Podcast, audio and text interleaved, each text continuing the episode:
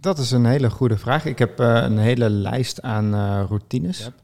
En dat betekent onder andere uh, s'morgens mediteren. s'morgens kijk ik ook naar de opkomende zon.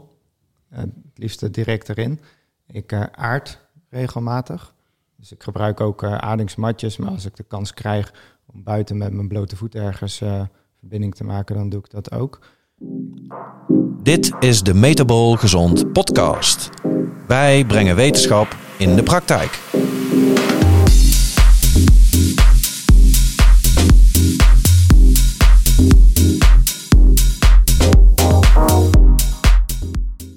Welkom bij weer een nieuwe aflevering van de Metabol Gezond podcast, waarin wij jouw gezondheid van reactief naar proactief brengen.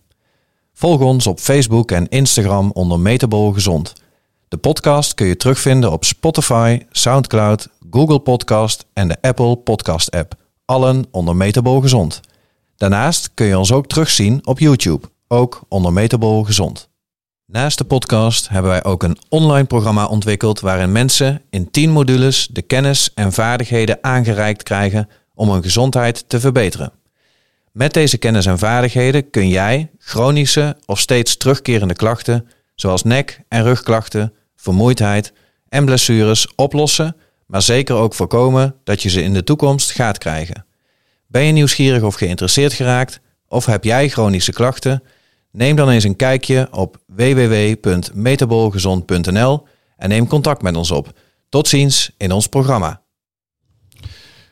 Welkom bij uh, weer een nieuwe aflevering van uh, de Metabol Gezond podcast. Goedemiddag of goedemorgen of goede avond, al naar gelang uh, wanneer je naar deze podcast luistert. En uh, wij zijn uh, vandaag eigenlijk te gast. En we hebben vandaag uh, een, gast. gast. En nou ja, we beginnen eigenlijk altijd met aan de gast te vragen of die een introductie van zichzelf zou willen doen. Dus bij deze. Dankjewel voor de uitnodiging. Mijn naam is Tim van Oorsouw. Ik ben op papier gediplomeerd neuromusculair therapeut. En uh, de afgelopen vier jaar heb ik mijn focus verlegd naar het opleiden van professionals. De wat meer ervaren therapeuten, zoals fysiotherapeuten, manueel therapeuten, osteopaten. Soms ook trainers en coaches. In een methode die ik heb ontwikkeld, uh, wat bekend is geworden als de Trigger Point Reset methode. En wat inmiddels is veranderd naar pijn reset methode. Dat is hoofdzakelijk wat ik train aan die professionals en waar ik ook een praktijk in heb gehad. Het blijvend oplossen van chronische pijnklachten. Um, ik heb een hele carrière achter de rug op van allerlei vlakken. Ooit begonnen als uh, masseur toen ik uh, 17 was. praktijk gestart aan huis. Fysiotherapie gestudeerd. Laatste jaar niet afgemaakt. Uh, maar helemaal mijn eigen ding gaan doen. En um, wat ooit begon als uh, specialist op het gebied van triggerpoints is uiteindelijk meer geëindigd in uh, een vorm van mind-body coaching en life coaching. En niet meer alleen gericht op het uh, wegwerken van pijn, maar in feite alle gebieden van het leven aanpakken, zodat de regie weer terugkomt. Ja, en het, het, leuke is natuurlijk dat wij, wij hebben allebei jou, jouw cursus sowieso gevolgd. Dus mm -hmm. we mhm. zitten niet helemaal blanco wat dat betreft hier. Hè? Nee, inderdaad. En uh, ik denk ook dat wij uh, vanuit onze ervaring uh, kunnen bevestigen dat het, het life coaching een enorm belangrijke rol speelt in het, in het voorkomen dat klachten chronisch worden. En, en dat het heel erg verrassend kan zijn, um, waar eigenlijk de oorzaak te zoeken is voor het ontstaan van een probleem. Um, binnen de KPNI zeggen wij altijd, het symptoom is nooit het echte probleem. En uh, ik denk dat, uh, dat jij uh, daar uh, al, al heel vlot mee aan de gang bent gegaan met het symptoom is nooit het echte probleem. En toch merken wij in de dagelijkse praktijk dat het voor heel veel mensen lastig is om de, om de sprong te maken van ik heb last van mijn rug naar ehm, daar zit veel meer achter dan alleen dat botje of dat gewrichtje of dat spiertje wat heel veel spanning heeft. Um, jouw, jouw, jouw focus ligt eigenlijk het meeste op, uh, op het opleiden van mensen, als ik het uh, goed heb begrepen inmiddels. Ja, klopt. En je hebt uh, niet echt nog een eigen praktijk Je ziet geen mensen meer met trigger points, zal ik maar zeggen. Nee, alleen, alleen tijdens de cursussen. Alleen en dan moet, ik, moet ik erbij zeggen, de meeste professionals, dus bijvoorbeeld praktijkhouders, die zijn niet pijnvrij, kan ik je vertellen. Hmm. Misschien is dat ook wel een van de redenen dat ze natuurlijk überhaupt bij jou zitten, toch? ja, dat zou zomaar kunnen, ja. ja. Maar waar ik eigenlijk heen wilde, is, is uh, breng jij de mensen die jij traint uh, daar iets in bij, in de zin van uh, hoe ze daarmee om moeten gaan in hun, in hun praktijk? Jazeker. Um, kijk, ik kan er een paar dingen over zeggen. Wat, wat veel voorkomt is dat de gemiddelde patiënt, laat ik ze zo even noemen, dat die afhaakt bij woorden zoals het zit tussen je oren. Mm. Of afhaakt door te zeggen van um, het is stressgerelateerd. Het probleem namelijk is dat veel van de symptomen, zoals bijvoorbeeld rugpijn, een gevolg is van onbewuste processen. Nou, dat wil tegelijkertijd dus zeggen dat mensen daar zich niet van bewust zijn dat het er is. Dus je moet uh, van goede huizen komen, wil je dat op een begrijpelijke manier uit kunnen leggen aan zo'n patiënt. Mhm. En wat wij tijdens de cursus onder andere ook leren, of waar ik eh, coaches en therapeuten in train, dat is om bijvoorbeeld met behulp van simpele verhaaltjes, met een vorm van storytelling, uh, aan de hand van voorbeelden uh, en aan de hand van oefeningen ook, zo'n cliënt of patiënt daadwerkelijk mee te krijgen in dat hele idee dat het onderbewustzijn vaak voor een groot deel verantwoordelijk is voor de fysiologische, oftewel de lichamelijke veranderingen in het mhm. lijf. Ja. En een van de, de, de, tools die ik daarvoor gebruik, of een van de principes, dat is natuurlijk ook de trigger points. De kleine verkrampingen in de spieren, mhm. want die zijn tegenwoordig wel vrij bekend. En die kan jij als cliënt natuurlijk ook voelen. En op het moment dat jij kan verklaren hoe iemand aan die dingen komt, en uh, druk er maar eens op, dan dan snappen ze ook van, oh nee, het zit dus niet tussen mijn oren. Er zit daadwerkelijk wat. Er is daadwerkelijk een stukje weefsel bijvoorbeeld met een verkramping. Een verkramping met weinig zuurstof. En als ze vervolgens uitleg krijgen over hoe zo'n ding kan ontstaan en wat daar dan de oplossing voor is, dan uh, zijn we een stap verder. En daarmee uh, zeg je eigenlijk dat uh, het zenuwstelsel een belangrijke rol speelt in het ontstaan en in stand houden van bijvoorbeeld zo'n triggerpoint. En daarmee zit het dus letterlijk tussen je oren. Ja, dat is precies wat ik wilde zeggen. Natuurlijk tussen je oren. Ja. En dat is uh, wat, wat, ik merk dat heel veel mensen lastig vinden om, om te begrijpen dat dat de manier is waarop ons lichaam werkt. Ja, ja en heel veel mensen zeggen ook um, bij de vraag, als je direct zou vragen van hey, heb je last van, uh, van stress, dan is eigenlijk heel vaak het antwoord natuurlijk nee. Ja. Hoe, hoe ga jij daarmee mee om als je die vraag op je afgevuurd krijgt, zeg maar? Nou, ik vind het grappig dat je het zegt. Ehm, mijn eigen coach, Garrett van Wake Up Warrior, die mhm. heeft een statement die zegt heel vaak: Stop fucking lying. En uh, misschien komt er een piepje in, maar dus oh, stop, stop met liegen. En uh, wat het, waar het in feite op neerkomt, is dat bijna iedereen de hele tijd aan het liegen is, gedurende een dag, tegen zichzelf en tegen anderen. En op het moment dat iemand niet volledig authentiek zichzelf, zichzelf kan zijn, bijvoorbeeld door please-gedrag te vertonen, is een vorm van niet-authentiek gedrag, dan ben je dus niet jezelf, met als gevolg dat de energie en de doorbloeding minder goed gaat stromen. En dan levert dat dus problemen op. En de meeste mensen die van dit soort klachten last krijgen, dat zijn vaak de pleasers. Mhm. Of bijvoorbeeld de perfectionisten. En dat is niet wie we van nature zijn, als alle filters eraf zijn.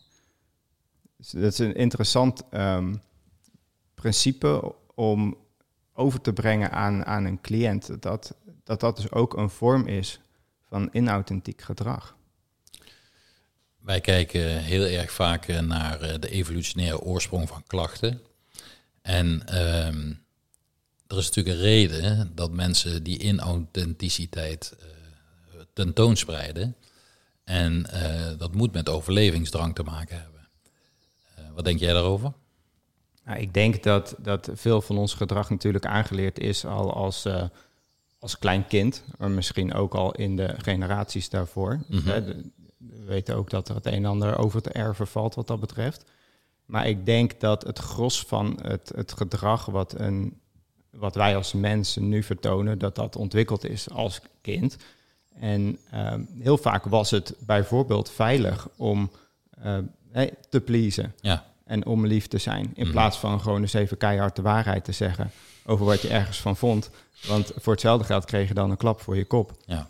Nou, we leren al heel gauw, eh, misschien al na één keer, maar zeker als dat een paar keer achter elkaar gebeurt, dat onszelf zijn dus niet veilig is. Ik denk dat wij als kind ook gemaakt zijn om bijvoorbeeld heel, heel creatief te zijn. Van, Mhm. van nature zijn wij ontzettend authentiek, vrij, creatief, vindingrijk, noem het allemaal maar op. En vervolgens gaan we naar school en dan moet je stil zijn. Dan wordt het afgeleerd. Ja. Wordt het afgeleerd. Ja, ik sprak eh, deze week een, eh, een dame die bij mij op de praktijk komt, die zelf in het onderwijs zit. En zij zijn bij hun op, eh, op de school eigenlijk iets aan het introduceren waarbij ze vooral gaan leren hoe de, de grote beschikbaarheid aan kennis die er is. Ik bedoel, want we hebben natuurlijk het internet en er is zoveel informatie beschikbaar. Om die meer te gaan toepassen. En zij gaan dus bijvoorbeeld met de kinderen al meditatiemomenten doen. En dat is dan echt al in het basisonderwijs. Ik vond dat fantastisch om te horen. Het zou, zou een droom zijn als dat eh, standaard wordt. Ja, Ik, hoop, ik hoop dat we daar ook met z'n allen voor kunnen zorgen. Dat zulke soort eh, onderwijsactiviteiten, ja. dat dat de nieuwe, het nieuwe normaal wordt. Ja, of een stukje ondernemerschap. Hoe, ga je, hoe ontplooi je dat? En ben je daar misschien ook wel niet 100% geschikt voor? Dan kun je misschien ook dan te weten komen. Ja. Maar ja, levenslessen eigenlijk. Hè? Nou ja, er zijn natuurlijk heel veel mensen die dat eh, die, die zeggen dat dat een goed plan zou zijn om, om meer educatie te krijgen al vanaf de basisschool over hoe dat je lichaam werkt, over hoe dat society, dus de maatschappij werkt en hoe dat geld verdienen werkt. En we zien natuurlijk eh, dat we eigenlijk eh, opgeleid worden eh, om, om in het, ja, hoe moet je dat zeggen, in de mal te passen waarin 80% van eh, mensen eh, past, zeg maar. En Vroeger, ja. ja, vroeger, ja. En, en de maatschappij is natuurlijk enorm veranderd. En het is natuurlijk helemaal niet meer zoals dat het vroeger was. En ik denk dat heel veel modellen uit het, eh, uit het onderwijs ja, teruggaan naar de jaren 50 en 60 en misschien 70 eh, van de vorige eeuw. En dat is natuurlijk toch een ander verhaal tegen de achtergrond van die tijd in vergelijking met hoe dat de situatie nu is. Ik kan me nog herinneren dat ik een, eh, een, een jaar of 15 geleden het boek eh, Rich Dad, Poor Dad heb gelezen van Robert Kiyosaki. En eh, dat, dat daar het verschil wordt uitgelegd in, in opvoeding met betrekking tot, tot eigenlijk het hele leven. En niet alleen over, over zaken doen en dergelijke.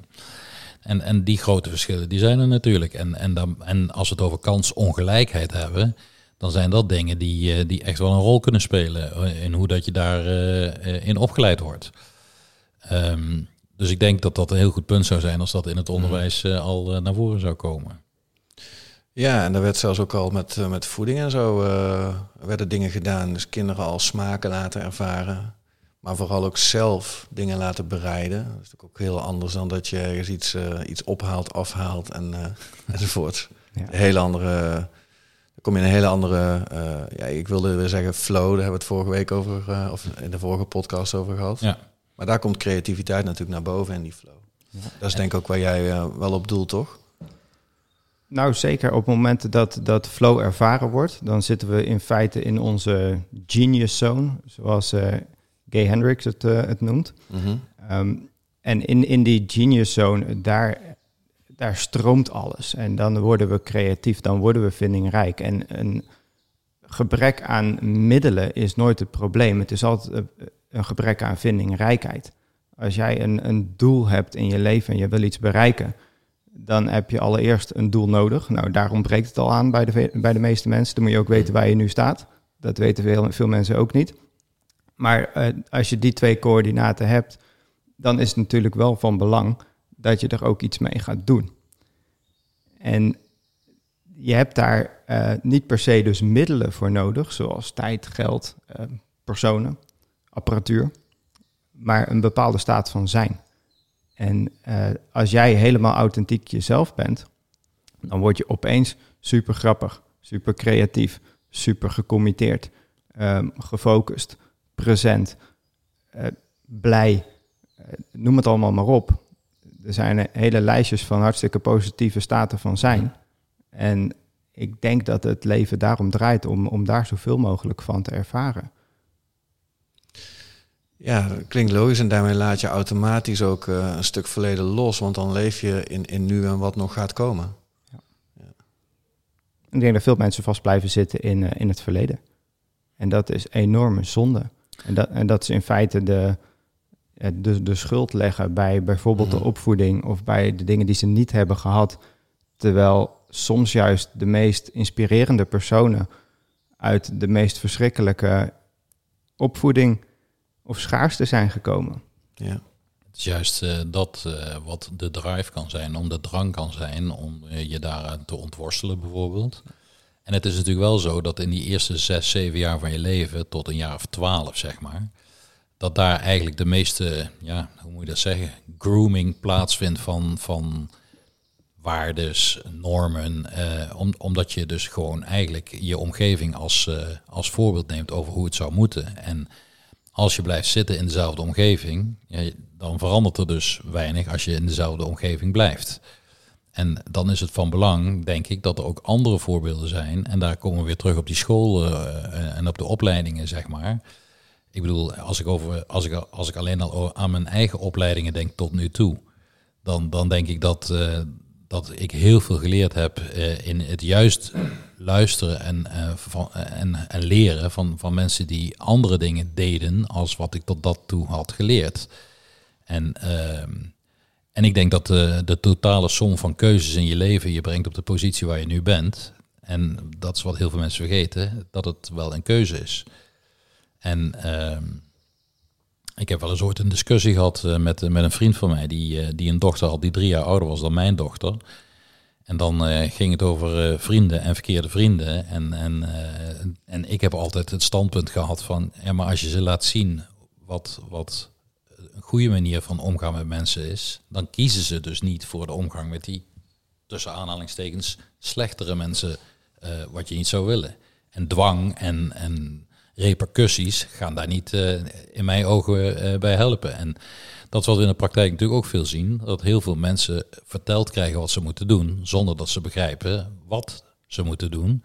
En uh, dat, is de, dat is onze missie eigenlijk, om mm -hmm. mensen meer, uh, ja, met meer kennis betere keuzes te laten maken. En ik denk dat uh, dat voor jouw opleidingen exact hetzelfde is. Je, heb zelf in een van je opleidingen gezeten. Ik heb een fantastisch leuke dagen gehad, drie dagen lang. Maar er zijn ook mensen die het niet leuk vinden die met heel iets anders van jouw uh, opleiding afkomen als waar ik ermee vanaf ben gekomen. Ja, ik, waar ik meteen aan moet denken als ik heb meegemaakt dat er ook uh, tijdens de opleiding bij jou iemand vertrok, bijvoorbeeld. Ja. En eh, dat, dat vind ik zelf het, het mooie aan, aan het type trainingen wat ik geef. Dat was toevallig wel de enige keer dat het is gebeurd ja. in uh, de vier jaar dat ik het nu doe. Wat zegt dat, dat jij erbij was? Maar goed. Ja, misschien was dat het. Nou, maar de grap is, um, Want, want uh, daar wil ik wel iets over zeggen. De, de grap is dat bij, de, bij mijn trainingen verder nog nooit iemand uh, ziek is geweest, heeft afgemeld um, of um, een, een, echt een deel heeft gemist. Behalve dus één keer dat er iemand opstond in de cursus en aangaf het eigenlijk te erg getriggerd raakte en uh, aangaf van ja, dit, dit was dan voor mij. Dit is niet, niet mijn cursus. En als ik daar zo op terugkijk en ook op dat moment, creëerde dat bij mij een positieve trigger, een positieve associatie. Want wat gebeurde er vervolgens? Daarna zat iedereen op het puntje van zijn stoel. Vroeger werkte ik met een compagnon in 2012, gaven we leiderschapstraining en bewustwordingstraining, ook een soort van schop onder de kont cursussen. Dan was dit standaard. In vrijwel iedere cursus was er altijd wel minimaal één die dus boos wegliep en niet meer terugkwam. Er waren er dan meestal ook nog één of twee anderen die ook boos wegliepen, een half uur op de parkeerplaats bleven staan. Bijvoorbeeld het muntje van de, eh, van de slagboom vergeten waren en er niet door konden. En dan weer terugkwamen met de, met de staart tussen de benen en de tas weer, uh, weer, uh, weer onder de stoel zetten. En vervolgens de doorbraak van hun leven hadden gehad door dat half uurtje op de parkeerplaats. En ik geloof er altijd in dat um, toeval niet bestaat. En dat alles gebeurt met een reden. En juist is het soms zo dat iets wat ogenschijnlijk in eerste instantie helemaal kloten voelt, dat dat eh, misschien wel het belangrijkste inzicht of de belangrijkste les is geweest voor zo iemand of voor het hele groepsproces. Maar ik had begrepen dat diegene wel terug was gekomen, of, of heb ik dat verkeerd begrepen? Nee, nee, nee. Nee, die is niet terug geweest volgens mij. Nee. Ik weet Want niet. dat was bij, eh, bij het filmpje, toch? Ja, dat was bij een eh, dat bekend eh, filmpje. filmpje. Het filmpje dat heb ik nog vaak eh, toch Ja. weer teruggekeken, want dat blijft een heel waardevol filmpje. Ja. Ik vond het echt geweldig. En, en dat filmpje, het gaat over een filmpje met eh, Garrett White, zeg maar. En dat, dat, dat, dat geeft aan dat je altijd een keuze hebt. En, en wat, wat je ook kiest, eh, het mag allemaal. Maar iedere keuze heeft ook een consequentie. Ja. Maar ook nee is dus een keuze. Ja, En eh, soms denken wel eens eh, mensen dat, dat, stel dat ik bijvoorbeeld een adviesgesprek heb met iemand en ik eh, zeg tegen jou van, ah, dit is echt een, ik, ik zou, dit is een uitstekende optie voor jou om te doen. Of dat nou een traject is of een cursus of wat dan ook. En jij zegt vervolgens eh, nee, dan kan dat zomaar eens meer op hebben geleverd voor jou dan, eh, dan de cursus wel daadwerkelijk doen of dat traject daadwerkelijk eh, volgen. Er is een andere groep die zegt ja, ook die krijgt enorm veel waarde. En er is een groep die blijft twijfelen. En in twijfelland, daarin zijn we zwak. En dat probeer ik zoveel mogelijk te elimineren bij mensen. Zo min mogelijk in twijfel gaan zitten. Dus maak een keus, ja of nee. Niet misschien. Heel veel mensen leven soms wel jarenlang in een misschien land. En staan daardoor niet sterk. Ja, kl- klinkt heel logisch, maar het is voor veel mensen denk ik inderdaad eh, totaal, niet, eh, totaal niet logisch. Ehm, ja de vraag is natuurlijk ook, eh, waarom zijn ze misschien land? Ja. ja, dat is een goede vraag. Want wat je zegt, ja, ja is een antwoord, maar nee is ook een antwoord. En misschien is eh, ontwijken. Ja. En misschien is misschien wel eh, freeze gedrag. Ja, dat is in ieder geval ook eh, een stukje weerstand ehm, waar mensen, die mensen ervaren. En, en, en juist dat filmpje waar we het net over hadden, wekt natuurlijk weerstand op. Tenminste, bij mij ook. Maar de vraag is, eh, ga je in die spiegel kijken en, en ga je zien eh, wat je kan doen om die weerstand eigenlijk te laten verdwijnen? Want dat jij er weerstand tegen voelt, betekent natuurlijk vooral alleen maar dat je daar zelf ook gewoon moeite mee hebt met dat onderwerp wat getriggerd wordt. Of, of is het de manier waarop dat het gebracht werd? Daar kan ik me wel indenken, want dat, dat was wel ook iets wat eh, in de cursus door sommigen werd verteld als dat zo hebben ervaren. Dat de manier waarop het gebracht wordt, maar ja, dat zegt natuurlijk ook iets. Ja, absoluut. Kijk, ze, ik, ik, ik heb me ooit, mezelf ooit eens een keer voor moeten stellen tijdens een, eh, een, eh, een rode vlaggencursus was dat. En ehm, toen moest ik een, eh, een woord koppelen aan mijn eigen naam, wat ook dan begon met de T. En toen stelde ik mezelf voor, eh, mijn naam is Trigger Tim. En dat is ook hetgeen wat ik doe tijdens bijvoorbeeld coaching en trainingen. Ik ehm, ga er soms bewust eh, voor zorgen dat iemand getriggerd raakt. En eh, ik ben in, fe- in feite een grote spiegel.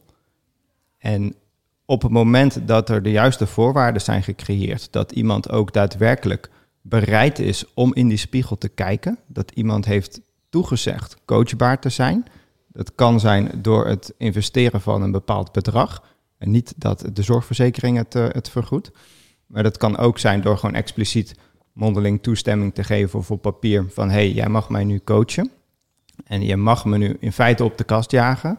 Als het maar vanuit hè, een, een goed hart komt en met een doel Goeie voor intentie. ogen. Ja.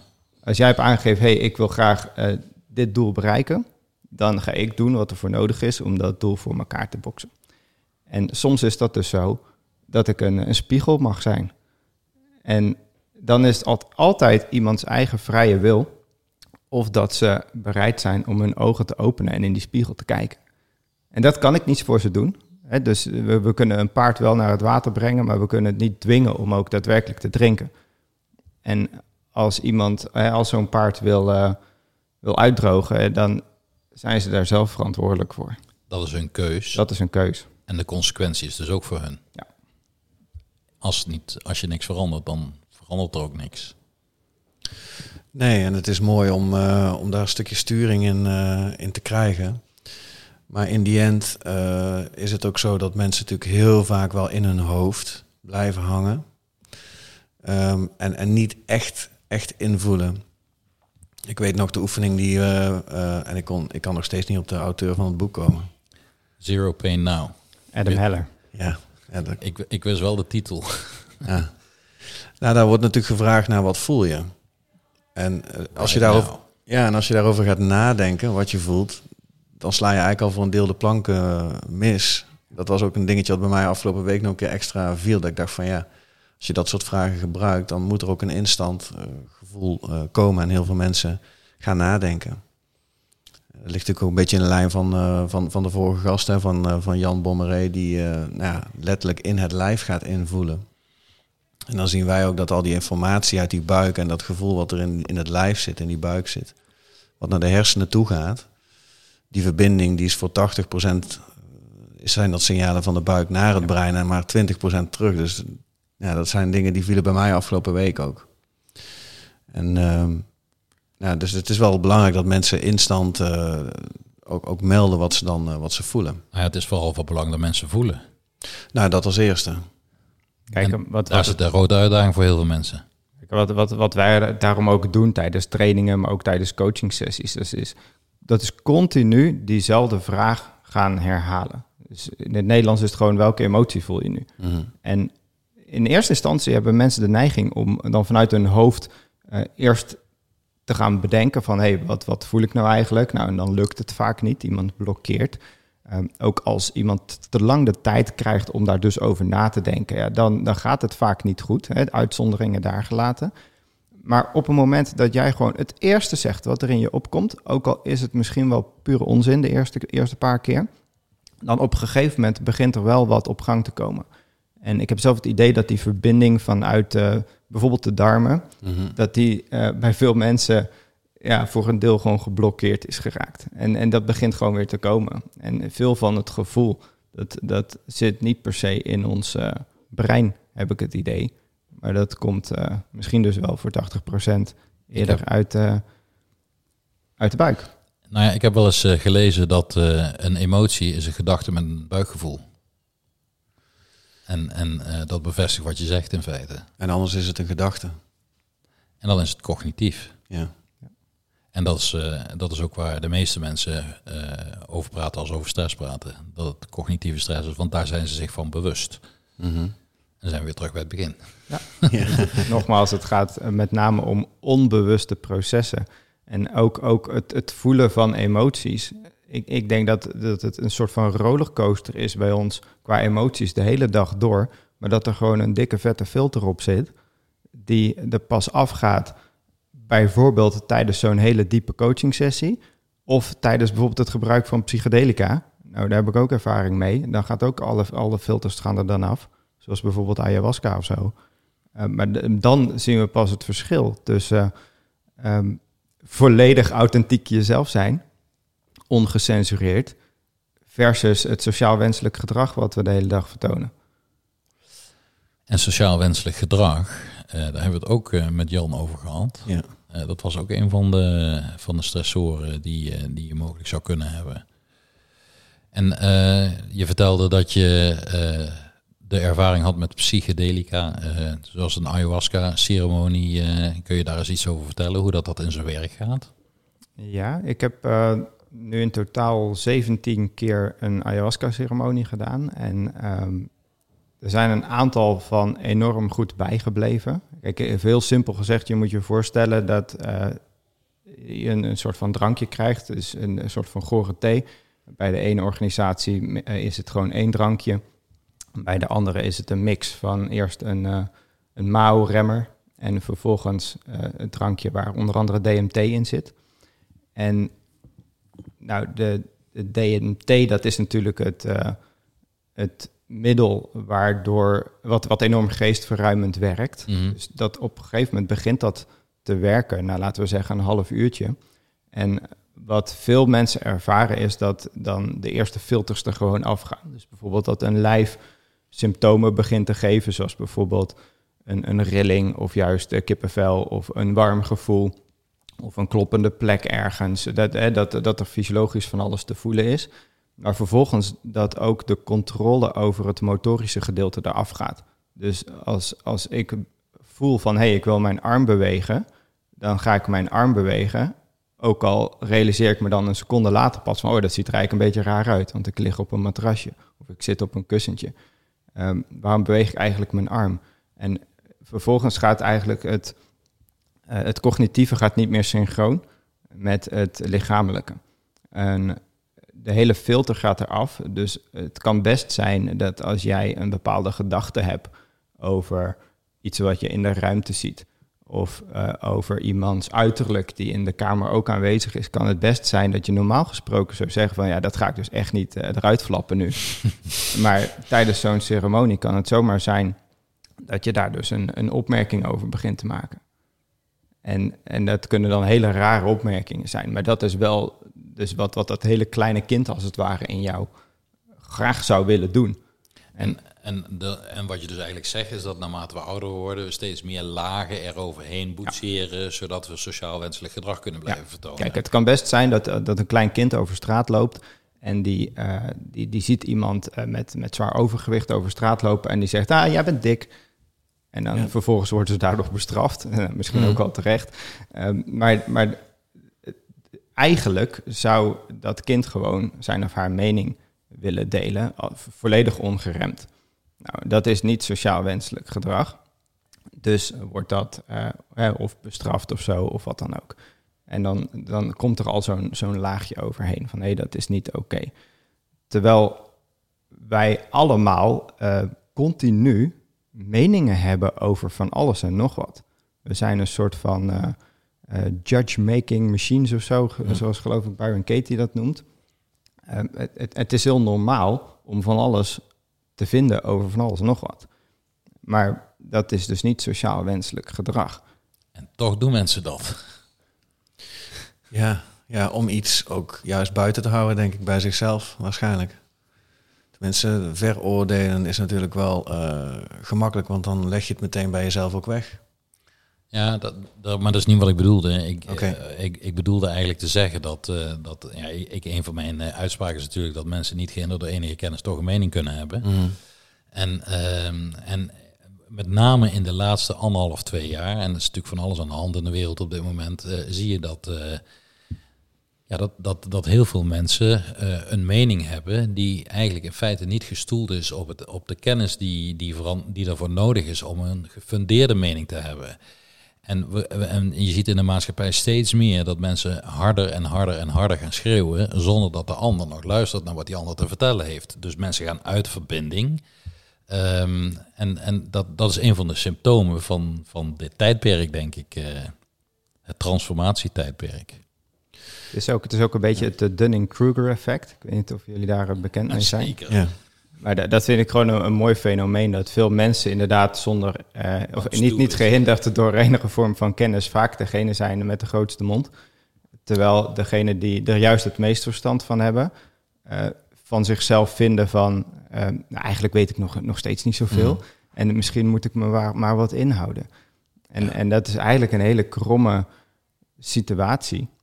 Waar, waarin we dus zien dat sommige van de, de meest belezen mensen um, het, het, het minst te zien zijn. En, en ook uh, het, het slechtste zijn vaak dus in de marketing en in het promoten van hun eigen visie, ideeën, kennis. Mm -hmm. Met als gevolg dat heel veel mensen dus de meeste input krijgen van de personen of de organisaties met relatief weinig, uh, weinig kennis. En dat creëert een hele scheve verhouding. Het uh, Pareto-principe. Ja, jij bedoelt ook het kaf van het koren wordt gescheiden, juist in deze tijd, als het gaat ja. om wel of niet transformeren. Nou ja, ik denk wel dat dat, uh, dat een uitdaging is voor heel veel mensen, waaronder waarschijnlijk ikzelf ook. Maar goed, uh, wat, ik, wat ik eigenlijk bedoelde is dat uh, wij daar allemaal last van hebben. We hebben allemaal een space, wij als therapeuten bedoel ik dan, We hebben allemaal kennis gedaan, opgedaan door de opleidingen die we gedaan hebben, door de dingen die we gelezen hebben, door de dingen die we luisteren. En toch moeten we heel vaak opboksen tegen de heersende meningen, eh, die niet eh, per se eh, gestoeld zijn op onderzoek, kennis, et cetera, maar gewoon van omdat het altijd zo gezegd is. Ja. En ik moet dan bijvoorbeeld denken aan eh, het feit dat margarine gezonder zou zijn dan boter. En eieren je cholesterol zouden verhogen. En Ja, dat en- soort en- en- onderstellingen. je en zes dat- keer per dag moet eten om het motortje aan de gang te houden. Ja. En dat je een hartaanval krijgt van een tekort aan statines. Ja, precies. Ja, Dus- dat zijn allemaal eh, dingen die, eh, die, die wijd en verbreid zijn in, in, in, in, ja, hoe noem- in, in het neurale netwerk van de maatschappij, zeg maar. Ja, En nou, dat dan, heeft alles ook met marketing te maken. ja, dan kom je ook een beetje uit op wat eh, onze collega Thomas Davé, ik weet niet of jij hem Nee, die heb ik niet gesproken. Nou, hij heeft samen met zijn collega Wouter, waar wij inmiddels ook een, een partnership mee aan zijn gegaan, eh KPNI Belgium eh, gestart. En hij zegt ook altijd van, nou, het, het is altijd iets wat je hebt gemist, wat aanwezig had moeten zijn in het leven, waardoor je nu ook nou, functioneert of gedrag vertoont op een bepaalde manier. En hij noemt dan altijd de voorbeelden die iedereen wel kan plaatsen van, heb je hoofdpijn? Dat is toch niet een tekort aan paracetamol of een deficiëntie. Of, of vermoeidheid is niet een deficiëntie aan, aan Of- cafeïne. Ja, Precies. En dat is dan wat jij dus bedoelt eigenlijk. ja dat, is, wat- dat is inderdaad wat ik bedoel, ja. En ik, ik vind dat, eh, dat dat in de praktijk best wel, eh, best wel lastig is. Bij cliënten. Ja, dat is heel lastig. Herken jij dat ook? Nou, absoluut. Kijk, al- als ik eh, kijk naar de patiëntaanvragen die wij nog steeds gewoon krijgen, ondanks dat ik zelf niet meer behandel, eh, promoot ik wel diensten voor heel veel van mijn cursisten. Dus ik krijg elke dag krijg ik eh, meestal een stuk of vijf aanvragen binnen. En dan lees ik vaak wat er staat. En heel vaak is het dan zo van, hey, ik heb eh, iemand nodig die eh, bijvoorbeeld mijn triggerpoints gaat eh, behandelen. Of ik, heb, ik zoek iemand die dry needling doet. Of mijn, mijn gewrichten die staan niet helemaal lekker, dus ik moet even gekraakt worden. En in feite is dat een, een beetje een rare manier van. of de, de, het, is, het is een rare situatie die gecreëerd is, alsof bijvoorbeeld een gewricht verkeerd is gaan staan door een gebrek aan manipulaties. Of door Ja. een gebrek aan kraken. Of dat jij een, een spierknoop, een verkramping hebt gekregen, zo'n triggerpoint, door een tekort aan naalden of zo. Of die, die, die hoofdpijn doordat je te weinig pijnstillers hebt eh, genomen. Ja, zo werkt het niet. Maar veel mensen die, die zijn zich niet bewust van de daadwerkelijke onderliggende oorzaken of de wortels, waardoor die klachten überhaupt veroorzaakt worden. En op zich is dat niet raar, want de grote grap is, het, het zit ook in het onderbewustzijn. Maar tegelijkertijd eh, zou ik haast willen zeggen dat of mensen een soort van plaat voor een kop hebben, wat ik niet geloof, ehm, maar dat ze gewoon bewust hun handen voor hun ogen houden. Door niet te durven kijken, want bijna iedereen, als die helemaal eerlijk is naar zichzelf, dus ook als jij nu dit zit te luisteren, durf eens helemaal eerlijk te zijn naar jezelf. Ben je bijvoorbeeld gelukkig in de relatie die je nu hebt met je partner? Ehm, is het werk wat je doet daadwerkelijk waar je van gedroomd had altijd? Als je nu later op je sterfbed ligt en je kijkt terug op je leven, heb je dan het idee van hoe ik heb er het maximale uitgehaald? En, eh, en, en doe je dan nu de dingen waar je blij van wordt, waarvoor je geboren bent? En in veel gevallen is het antwoord nee. Als, als ik aan mensen vraag van ehm, wat, wat, zou, wat, wat denk jij dat het meest gezonde is dat je zou kunnen eten? Dan denken ze vaak kort na en dan, en dan zeggen ze vaak van ja, ik eet nu al gezond. En als we daar dan specifiek op ingaan, wat het dan is, dan, dan is dat vaak een beetje zo'n schijf van vijf idee. Mhm. Als ik dan vervolgens met, met vijf alternatieven kom, wat denk je dat gezonder is? Eh, eh, dat, ehm, dat glas cola wat je nu eh, toch drinkt, of die, die koffie, of dit vers geperste groentesapje, eh, dan is het antwoord toch het vers geperste groentesapje. Maar de, dus, dus er, ook, er is ook vaak een vorm van onwetendheid, heb ik het idee. Of niet, niet onwetendheid, maar gewoon een, een bewustzijn wat er niet is van, oh ja, shit, dit is ook nog een optie. Ik ze dat ook weten. heel- ja. Oh, nee, ik wil zeggen, want uit jouw verhaal maak ik op dat ze het vaak wel weten. Ja, ik denk ook dat er heel vaak aannames worden gedaan over dingen die gezond zouden zijn. Eh, die in werkelijkheid eh, een fysiologische reactie dus in je lichaam uh, teweeg brengen die niet per se altijd gezond zou hoeven zijn. Zo is de aanname dat een glas Juderans gezond is bij het ontbijt. Omdat het van een stuk fruit komt. Ja, maar goed, wij weten allemaal dat, of wij weten allemaal, maar wij met z'n drieën die hier zitten waarschijnlijk, weten dat door het te bewerken in de vorm van het persen, procentueel gezien de fructosegehalte dusdanig hoog is dat het helemaal niet zo gezond is om een glas uh, te drinken. Maar dat zit er zo ingebakken bij mensen dat dat gezond is. En dan denk ik van ja, goede marketing van appelsientje. Ja. Ja. Nou ja, kijk, en daarnaast, ik ben ook erg blij met podcasts zoals deze, waarin uh, meer wordt uitgelegd over waarom iets nou zo werkt. Want we kunnen wel zeggen van, ja, dit, dit weten we toch allemaal wel. Hè? Uh, gezond eten, of dat we allemaal moeten sporten, of voldoende moeten slapen. Gewoon al die, die basics, uh, water drinken.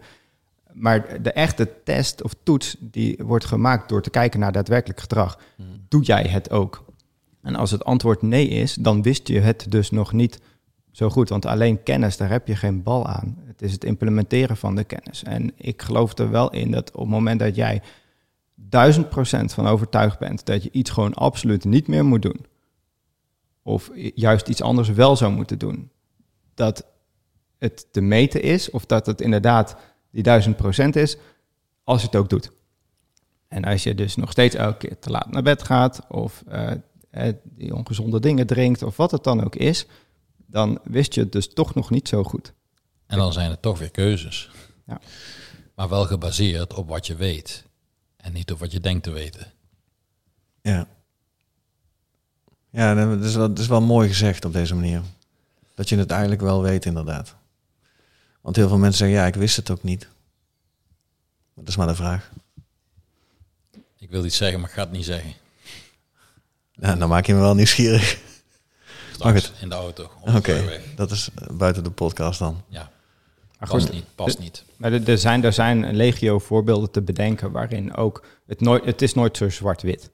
Dus, dus laten we bijvoorbeeld een, alcohol nemen als, als voorbeeld. Stel jij drinkt regelmatig alcohol. En, uh, Schuldig.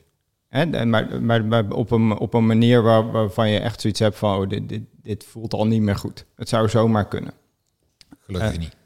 Tegelijkertijd zou het zomaar kunnen zijn dat uh, juist doordat jij op een gegeven moment dat biertje moest gaan halen bij, bij het tankstation of nog in de supermarkt, dat je daar uh, je droomvrouw tegenkwam of zo. Die je anders niet was tegengekomen op het moment dat je niet die behoefte had aan die alcohol. Nou, wat was dan goed? Wat was dan fout? Iemand die zijn hele leven lang een pakje per dag rookt en vervolgens daar een, een ziekte van krijgt. En vervolgens zijn leven omgooit en daar zijn nieuwe levensmissie van maakt. Uh, was het dan goed of slecht om. Ja. The scheme of the big plan. Ja, ja. we weten het niet. Nee. Maar kijk, eh, we hebben ook nog zoiets als gezond verstand. En het, de kunst is om daar gewoon extra veel naar, naar te luisteren. Maar eh, om gewoon ook eens een moment te verstillen. Dat is iets wat ik bijvoorbeeld doe met mijn cursussen en coaching sessies. Iedere keer voordat we beginnen, dan sluiten we even onze ogen voor een paar minuten. Dan krijgen we een heel ander gesprek dan wanneer we gewoon meteen zo'n boom beginnen. Dus dat hadden we net eigenlijk moeten hadden doen. Hadden we eigenlijk net ook moeten doen. Ja. nou, we hebben dat gewoon gedaan voordat de microfoon open stond. Ja, tijdens het introotje. Precies. Ja. en hoe, uh, hoe uh, vlieg jij dat dan, vloog jij dat uh, aan? Wanneer ben je eigenlijk een beetje begonnen met meer ook die die mind en deze manier van denken erbij te betrekken. Deed je dat ook al toen je patiënten behandelde of is dat op een ander moment eigenlijk gekomen? Um, ik heb het altijd wel voor een deel gedaan. Want ik ben toen ik startte met mijn praktijk, was een van de eerste cursussen die ik deed. Dat was uh, naar Anthony Robbins in, in Rome, uh, Unleash the Power Within. En daar heb ik best wel veel principes geleerd op het gebied van coaching en, en leefstijl. En, en gewoon heel bewust nadenken van hey, waarom doe ik nou eigenlijk de dingen die ik doe. En uh, waardoor, wat zijn mijn drijfveren? Uh, dat, soort, dat soort onderwerpen, daar ben ik dus altijd wel mee bezig geweest. Ik ben vanaf dat moment ook gewoon twee boeken per week gaan lezen. Waardoor veel op het gebied van persoonlijke ontwikkeling en leiderschap, voeding, echt bijna alles wat ik maar kon bedenken, dat had ik toen bestudeerd. Dus elke keer als ik dan een boek gelezen had, dan implementeerde ik daar dingen van in mijn, in mijn consulten. Uh, maar de echte grote switch in de sessies die kwam in 2014. Toen had ik op een gegeven moment drie patiënten in één week tijd in mijn praktijk in Amsterdam die mij een mailtje stuurde. Dus ik zag ze niet eens tegenover me zitten, maar stuurde mij een mailtje van hey, ik wil mijn afspraak graag afzetten of af, afzeggen, want ik heb nu een boek gelezen. Dat was een boek van Dr. Sarno, hmm. The Mind Body Prescription. En ik heb nu geen pijnklachten meer, dus uh, hou me maar uit de agenda. En, en dat waren mensen met serieuze chronische klachten, die, um, die ik dus uh, heel prima met mijn handen en, en technieken tijdelijk van klachten af kon helpen. En ik vond mezelf toen hartstikke goed daarin. En toen later kwam ik er pas achter van shit, ik heb gewoon de hele tijd aan symptoombestrijding gedaan. Mhm. Want iedere keer dat ik dus een, een triggerpoint ging uh, resetten, zoals ik dat noemde, of een gewricht weer beter liet bewegen, dan uh, was een cliënt na een aantal sessies van de klachten af. Maar vervolgens bleek achteraf pas kregen ze er iets anders voor in de plek. En eh, dat was lang niet altijd een andere fysieke klacht. Dat was ook lang niet altijd een soort van mechanisch te verklaren waarom ze dan nu last hadden van hun knie en daarvoor van hun schouder. Maar eh, er kwam altijd iets anders voor in de plek. Dus het kon best zijn dat zo iemand in plaats van pijn nu last had gekregen van de darmen. Of dat die persoon was gaan emotie eten. Of dat die was gaan nagelbijten. Of je, je kon het zo gek niet bedenken, maar er kwam een andere zogenaamde afleidingsstrategie voor in de plek. En ik dacht dan, puur op basis van statistieken, oh, deze cliënt was met drie sessies pijnvrij. Fantastisch. Hm. Stuur, stuur, stuur je, je buurman ook maar door. Ja, het grappige is dat uh, we inmiddels beter weten, maar dat we jarenlang ook gedacht hebben dat dat totaal niet aan elkaar gerelateerde klachten zouden kunnen zijn. En, en inmiddels weten we natuurlijk beter en inmiddels begrijpen we meer wat daarachter zit, uh, als het ware. Het eerste waar ik aan moet denken is neuroinflammatie bijvoorbeeld. Ja, en, en, en, dat is echt een eye-opener. En achter neuroinflammatie uh, zit natuurlijk uh, je gezondheidsstuurman. En jouw gezondheidsstuurman heeft ogen en oren en een neus. En die ruikt en die proeft en die hoort wat je zegt en die weet wat je denkt. En dat, dat speelt een rol in, in het wel of niet hebben van een neuroinflammatie. En dus in het wel of niet ontwikkelen van klachten eh, op de lange termijn. En ik denk dat we ook uh, het niet zo zwart-wit moeten zien dat uh, iemand uh, die, ehm, die is een dag een slechte dag heeft als gevolg daarvan klachten zou kunnen ontwikkelen. Maar het gaat eigenlijk altijd om een langdurige ontregeling van deze systemen. En bij heel veel mensen begint die langdurige ontregeling al in de kinderjaren.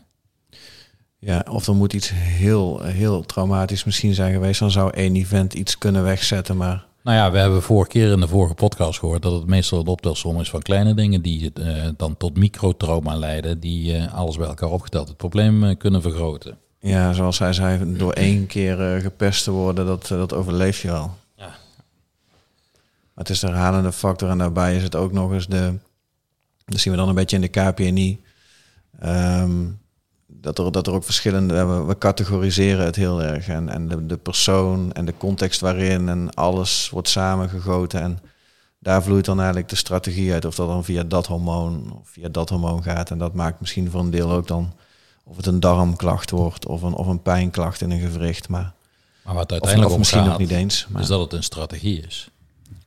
Ja, het is een laagje wat je eroverheen legt. En heel veel strategieën worden misschien worden waarschijnlijk onbewust toegepast om de aandacht af te leiden van wat er daadwerkelijk aan de hand is. Dat is, dat is wel iets waar ik van overtuigd ben. En eh, er zullen zeker uitzonderingen zijn. Altijd. Ik denk dat, eh, dat het lijf enorm slim is.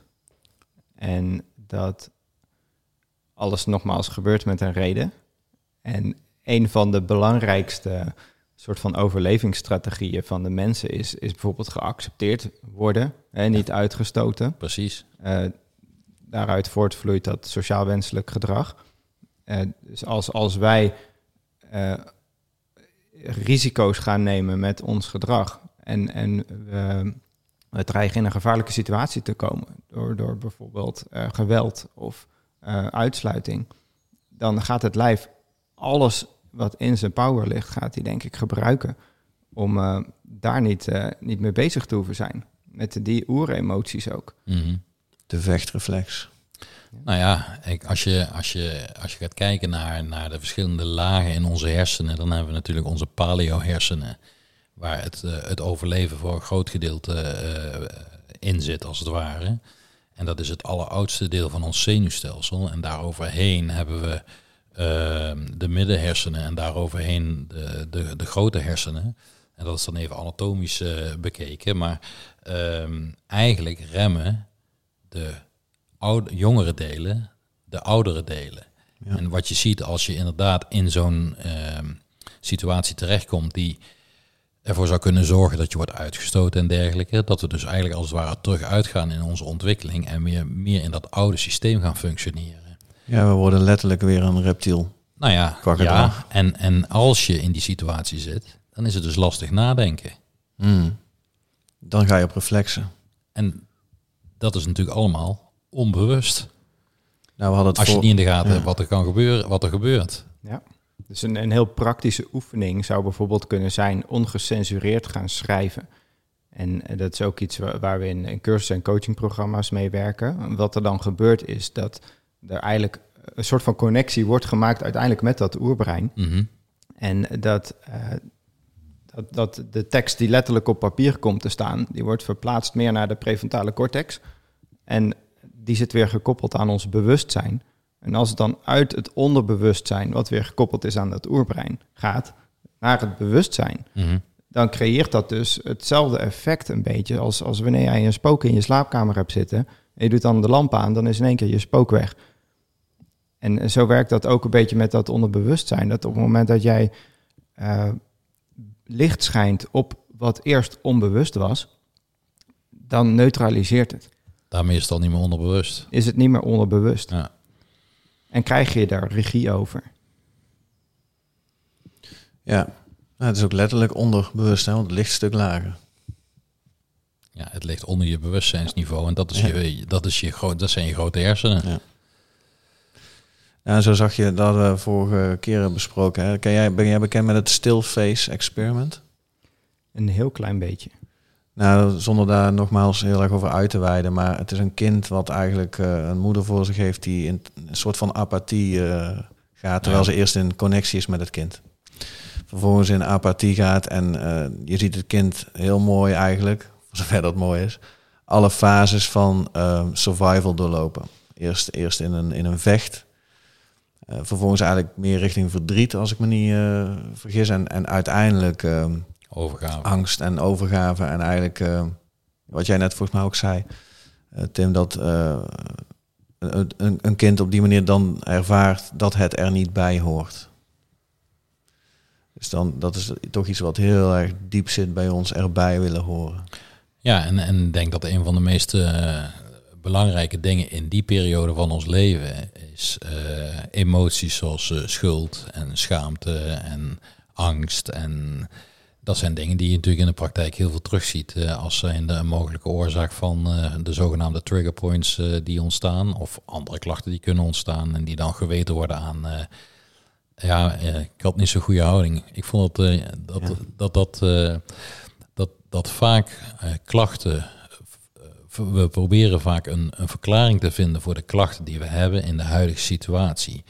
Terwijl als we niet weten waar die klachten vandaan komen, het niet per se de stoel is waar je op zit, waardoor je last hebt van je nek. Ja.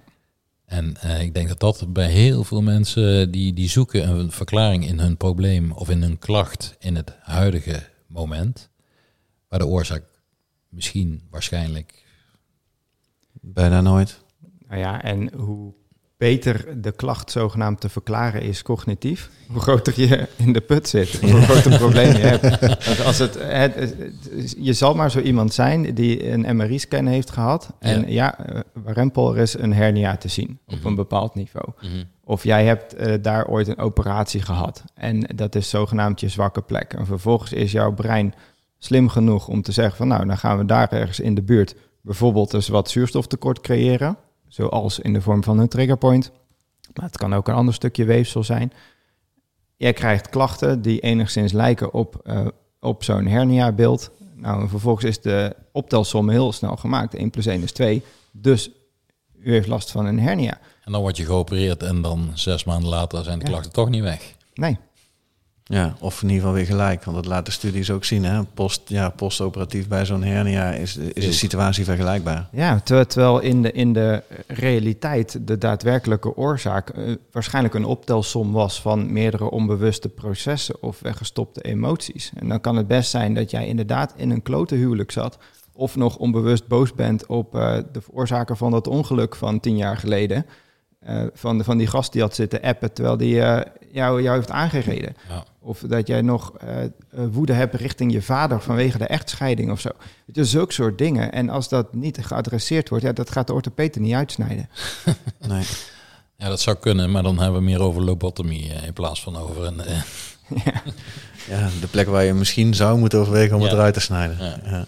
Ja. alles, alles boven de hersenstam. Ja. En waar ik ook nog wel benieuwd naar was, eh, Tim, wij eh, vanuit de KPNI ook weer zijn toch wel ook heel erg bezig met een stukje transgenerationeel.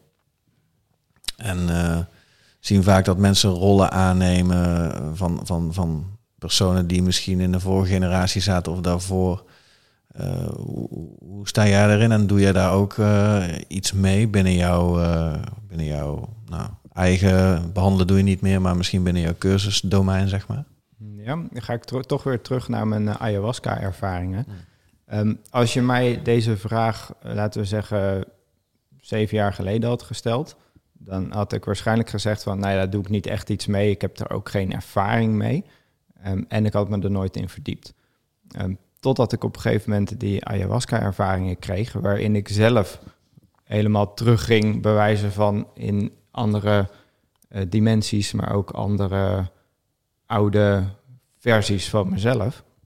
En eh, waardoor ik opeens een bepaald gedrag kon verklaren. En ik ben me toen daarin wat gaan verdiepen. En toch wel, eh, ja, toch wel ontdekt dat er eh, behoorlijk veel zogenaamd wordt overgeërfd.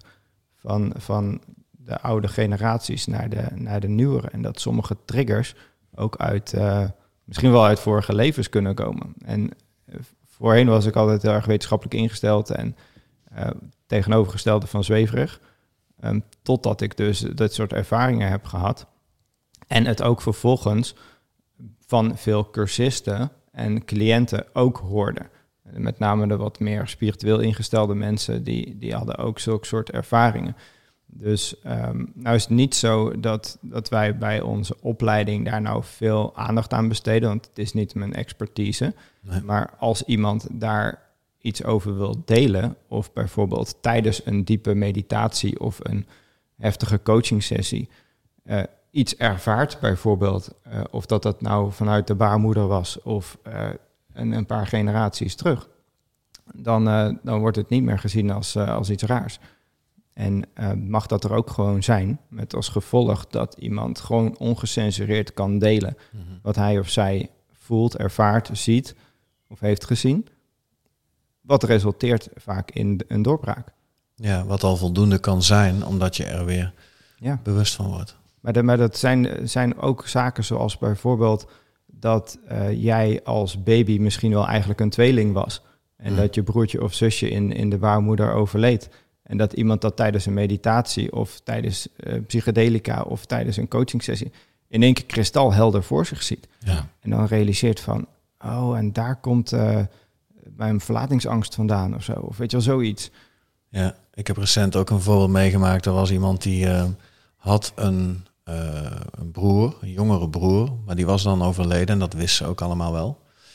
Maar die had nooit een naam gehad. Die had geen identiteit. Dus dat, ja, nou, die bestond niet. Ja, dat had enorm veel impact op de rol die zij had aangenomen Ja. in, in dat systeem. Was ook erg interessant. Zo had ik het nog niet gezien, maar zo belangrijk zijn dat soort Ja. kleine, ogenschijnlijk kleine dingen dan. Ja, maar wat, wat dus ook voorkomt bij dit soort casuïstiek... is dat dan de ouders het soms niet eens hebben verteld. Mhm. En, en dus hun hele leven lang met een geheim, oftewel met een leugen rondlopen. En, en misschien dat de ouders wel daardoor elke keer koppijn hebben gekregen. ja. Of, of dat, dat, dat er iets mist in de, in de expressie op het gezicht. Omdat ze altijd een geheim met zich meedragen en een masker dragen. Ja. En, en, eh, en op het moment dat ze, dat ze langs een kerkhof lopen of zo, dat ze dan in één keer last krijgen van hun knie. Dat zou zomaar kunnen. Ja, ja, ex- ja, wanneer echt een specifieke context eraan gekoppeld is of zo. Ja. Ja. Met andere woorden, het is niet zo simpel. Nee, dat is het zeker niet. Maar... Het is niet zo simpel van eh, ik heb last van mijn rug, behandel mijn rug. Nee, nee, dat hebben we ooit gedacht, maar inmiddels niet meer. Althans. Ik, ik denk, Ik ik denk dat eerder dan, dat het niet zo werkte. ik denk, dat het eerder dan andersom is van ik heb last van mijn rug. Nou, dan weten we in ieder geval zeker dat we daar niet moeten beginnen. Ja. ja, en toch eh, zie je heel veel mensen in de, bij mij in de praktijk. eh, en dat is misschien ook vanwege het feit dat ik eh, zelf ook op die manier me heel lang behandeld heb. dat mensen toch komen voor die behandeling. En als je tijdelijk het probleem oplost, dan is het natuurlijk wel zo dat mensen daardoor niet hoeven te kijken waar het vandaan komt. En dat op zichzelf kan ook een overlevingsstrategie zijn. Ja.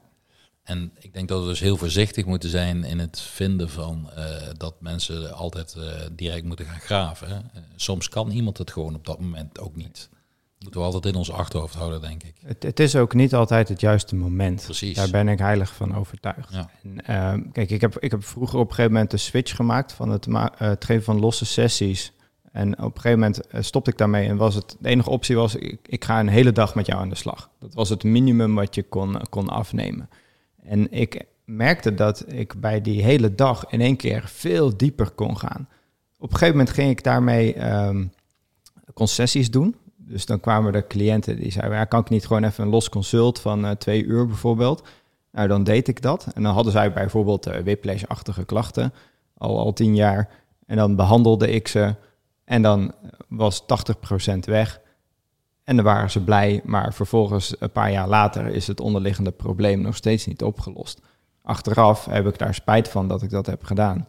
Omdat ik gewoon weet van, uh, ja, ik heb het probleem niet opgelost. Ik heb het Mm. misschien nu wel erger gemaakt. Misschien loop je nu nog steeds wel een paar jaar te lang in die relatie rond wat je niet had mogen doen. Aan de andere kant, als ze er niet aan toe zijn om dingen te Ja. veranderen, heb je ze wel geholpen met het overleven op dat moment.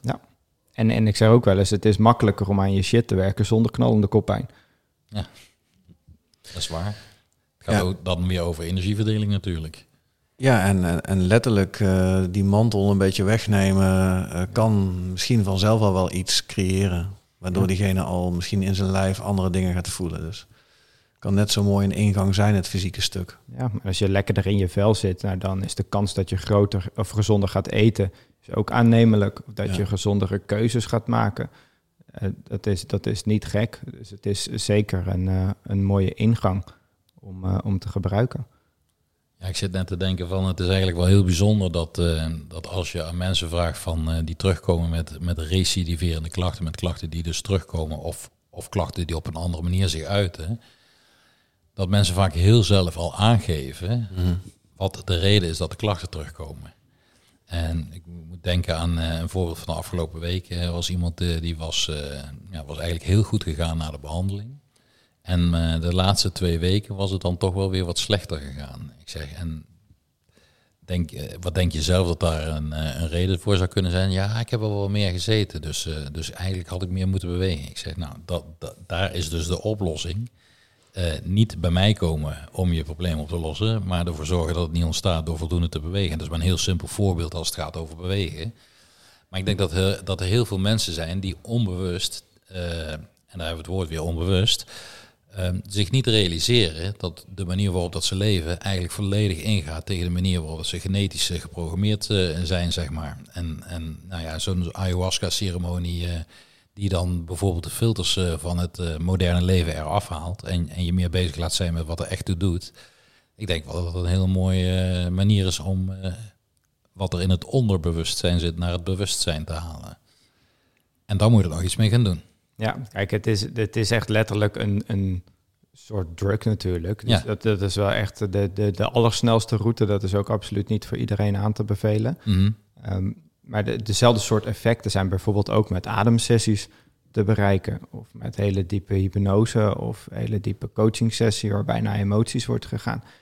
En ik denk dat dat veel laagdrempeliger is om, eh, om te gaan doen. Dan ayahuasca-ceremonie. ayahuasca-ceremonie. Ja. ja, Het, is, het, is, het is wel die hard. Het is, voor- ik vond het vooral heel fijn om ook gewoon eens te zien wat uiteindelijk een einddoel zou kunnen zijn. Mhm. Of wat, wat het uiterste is. Maar het, het wordt, er is niet voor niks steeds meer wetenschappelijk onderzoek van bekend. Waarin gewoon wordt aangetoond van, eh, dat, dat het enorm effectief kan zijn in bijvoorbeeld het verwerken van trauma. Ja. En ja, dat, dat is, ik denk dat dat ook wel een onderdeel van de toekomst gaat zijn. Meer het gebruik van dat soort uh, middelen. Ja, ik denk dat we in de toekomst steeds meer teruggaan naar het stenen tijdperk. Ja, want uh, dat is wel uh, waar onze genen nog steeds voor het grootste deel uh, van afkomstig zijn. Ja, en ik denk dat het misschien zo is dat de, de filters die de moderne maatschappij uiteindelijk in de afgelopen duizend jaar op, op onze, onze genen gelegd heeft, mede verantwoordelijk is voor het ontstaan van klachten. Ja, en daar vind ik de uitspraak van, van Leo altijd zo mooi. Leo Pruimbom, de founder van de KPNI van Volgens mij is zijn boek ook zo, hè? Word weer mens. Ja. Dat is eigenlijk wel uh, wat we wat meer zouden mogen doen, ja. Kijk, sommige, sommige acties zijn heel simpel. Ik heb hier bijvoorbeeld een aardingsmatje liggen. Maar je kan ook met je, met je blote voeten gewoon eens uh, in het gras gaan staan of regelmatig het water in. Of op het zand. En, en wij lopen de hele dag op rubberen zolen en vermissen daardoor de verbinding gewoon puur met de natuur. Met, met, met het veld van de aarde. Of, of hier staat dan een felle lamp te branden, maar ook het blauwe licht. Nou ja, versus uh, gewoon het, het zonlicht wat op het, dat moment van de dag schijnt. Ja. ja, dat is toch echt wat anders dan s'avonds naar blauwe schermpjes zitten kijken. Ik moet uh, weer lachen, ik heb vanmorgen uh, een rondje hard gelopen voordat ik Tom ging ophalen. En dan kom ik dus mensen tegen die op de fiets naar, naar, ja, naar weet wat je gaat zeggen. met zonnebril op niet beseffende dat dat ochtendlicht een van de meest belangrijke factoren is om je, om je biologie, om je biologie, biologische klok eh, te, te, te resetten, zeg maar, iedere dag opnieuw. Ja. En ook dat is weer een gebrek aan kennis en, en een gebrek aan weten hoe dat het werkt. En uh, het is natuurlijk wel cool, een zonnebril. Dus uh, image technisch is dat heel cool. Maar uh, misschien niet zo handig voor je bioklok. Nee. Dat zijn allemaal van die dingen, daarvan denken mensen te weten hoe dat werkt. Waarbij dat blijkt dat het in de werkelijkheid dan toch even iets anders werkt dan dat we altijd gedacht hebben. Ik, ik ken maar heel weinig mensen percentueel gezien die bijvoorbeeld s morgens vroeg in een, in een rode lamp aan het kijken zijn. En misschien moet je dat s morgens ook niet of, doen. Of dus letterlijk in, in de zon. Ja. ja, de zon heeft s morgens vooral veel meer blauw licht en, en s'avonds veel meer rood licht. Um, en, en het is ook bij gebleken uit onderzoek dat bijvoorbeeld het blauwlicht van je telefoon s'morgens niet genoeg is, terwijl het s'avonds je ritme kan verstoren. Dus er zit ook gedurende de dag nog weer een gradatie in. Maar dat zijn mooie onderzoeken. En, en, we zien, en je ziet dus heel veel mensen tegen de natuur ingaan. Want dat is wat je eigenlijk uh, met, met het aarde, zeg maar, uh, uh, over sprak. Ja.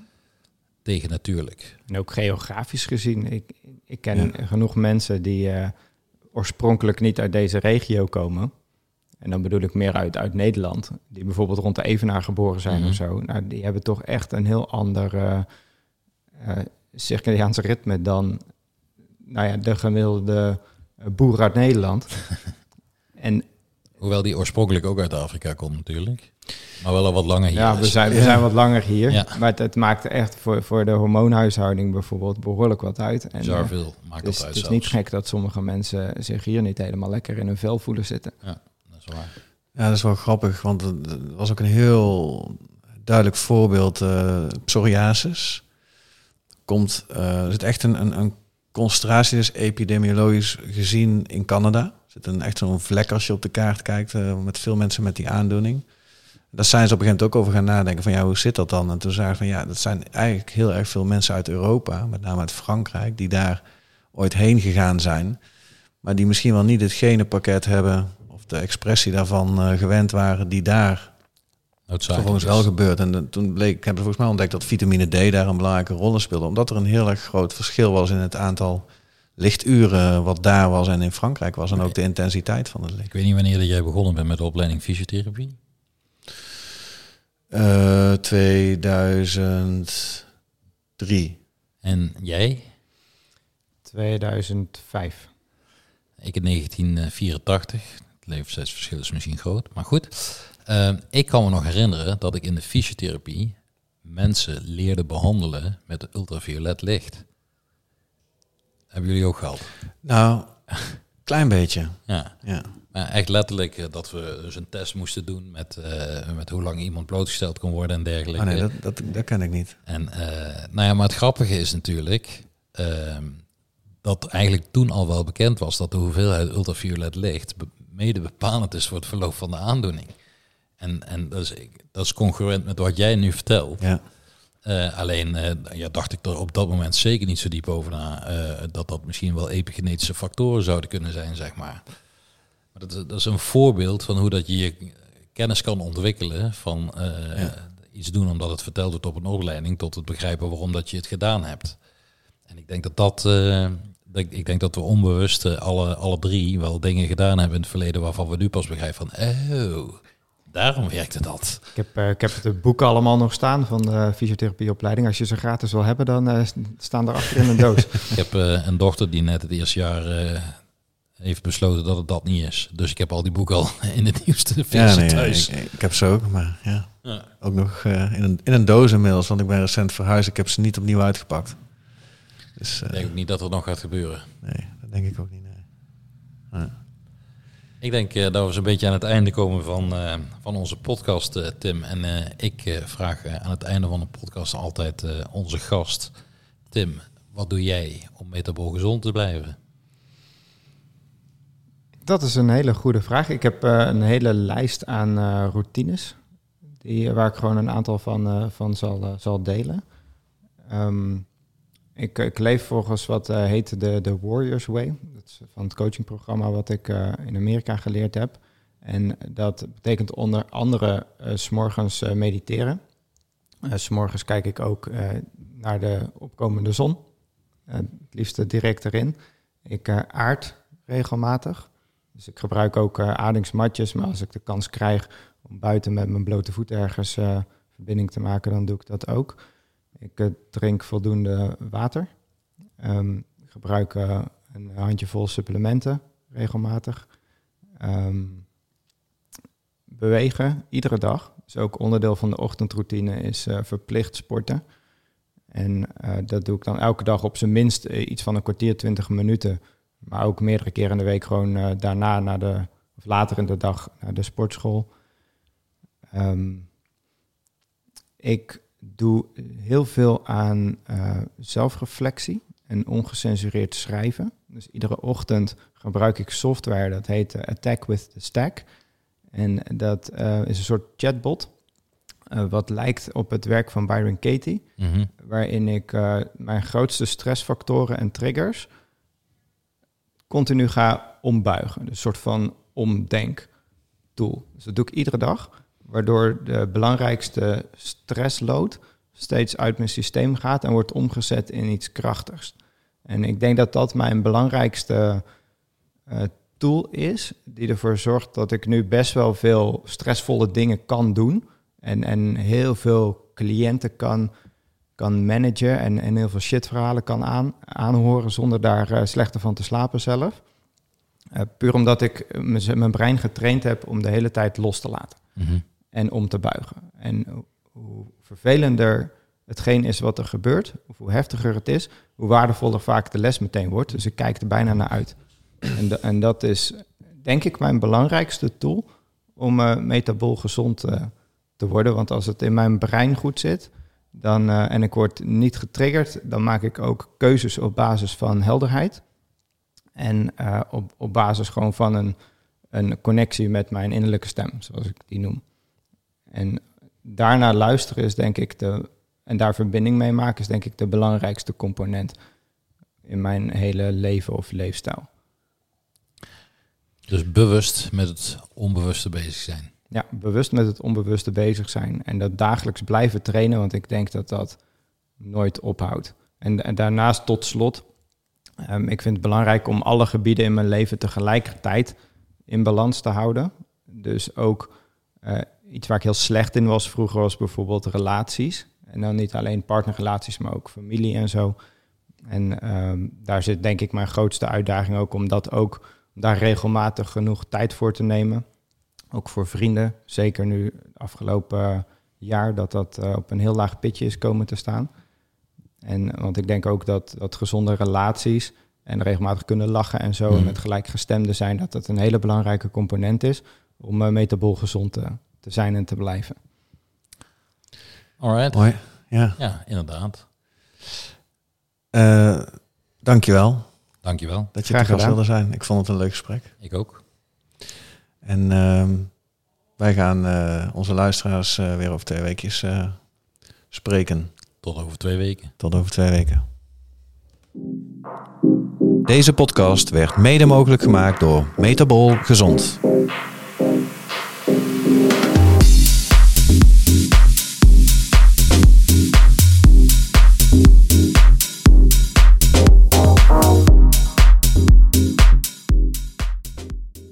De informatie in deze podcast is niet bedoeld als vervanging van diensten of informatie van getrainde medische professionals en of zorgverlenende instanties zoals huisartsen, medisch specialisten, spoedeisende hulpverlening en acute geestelijke gezondheidszorg.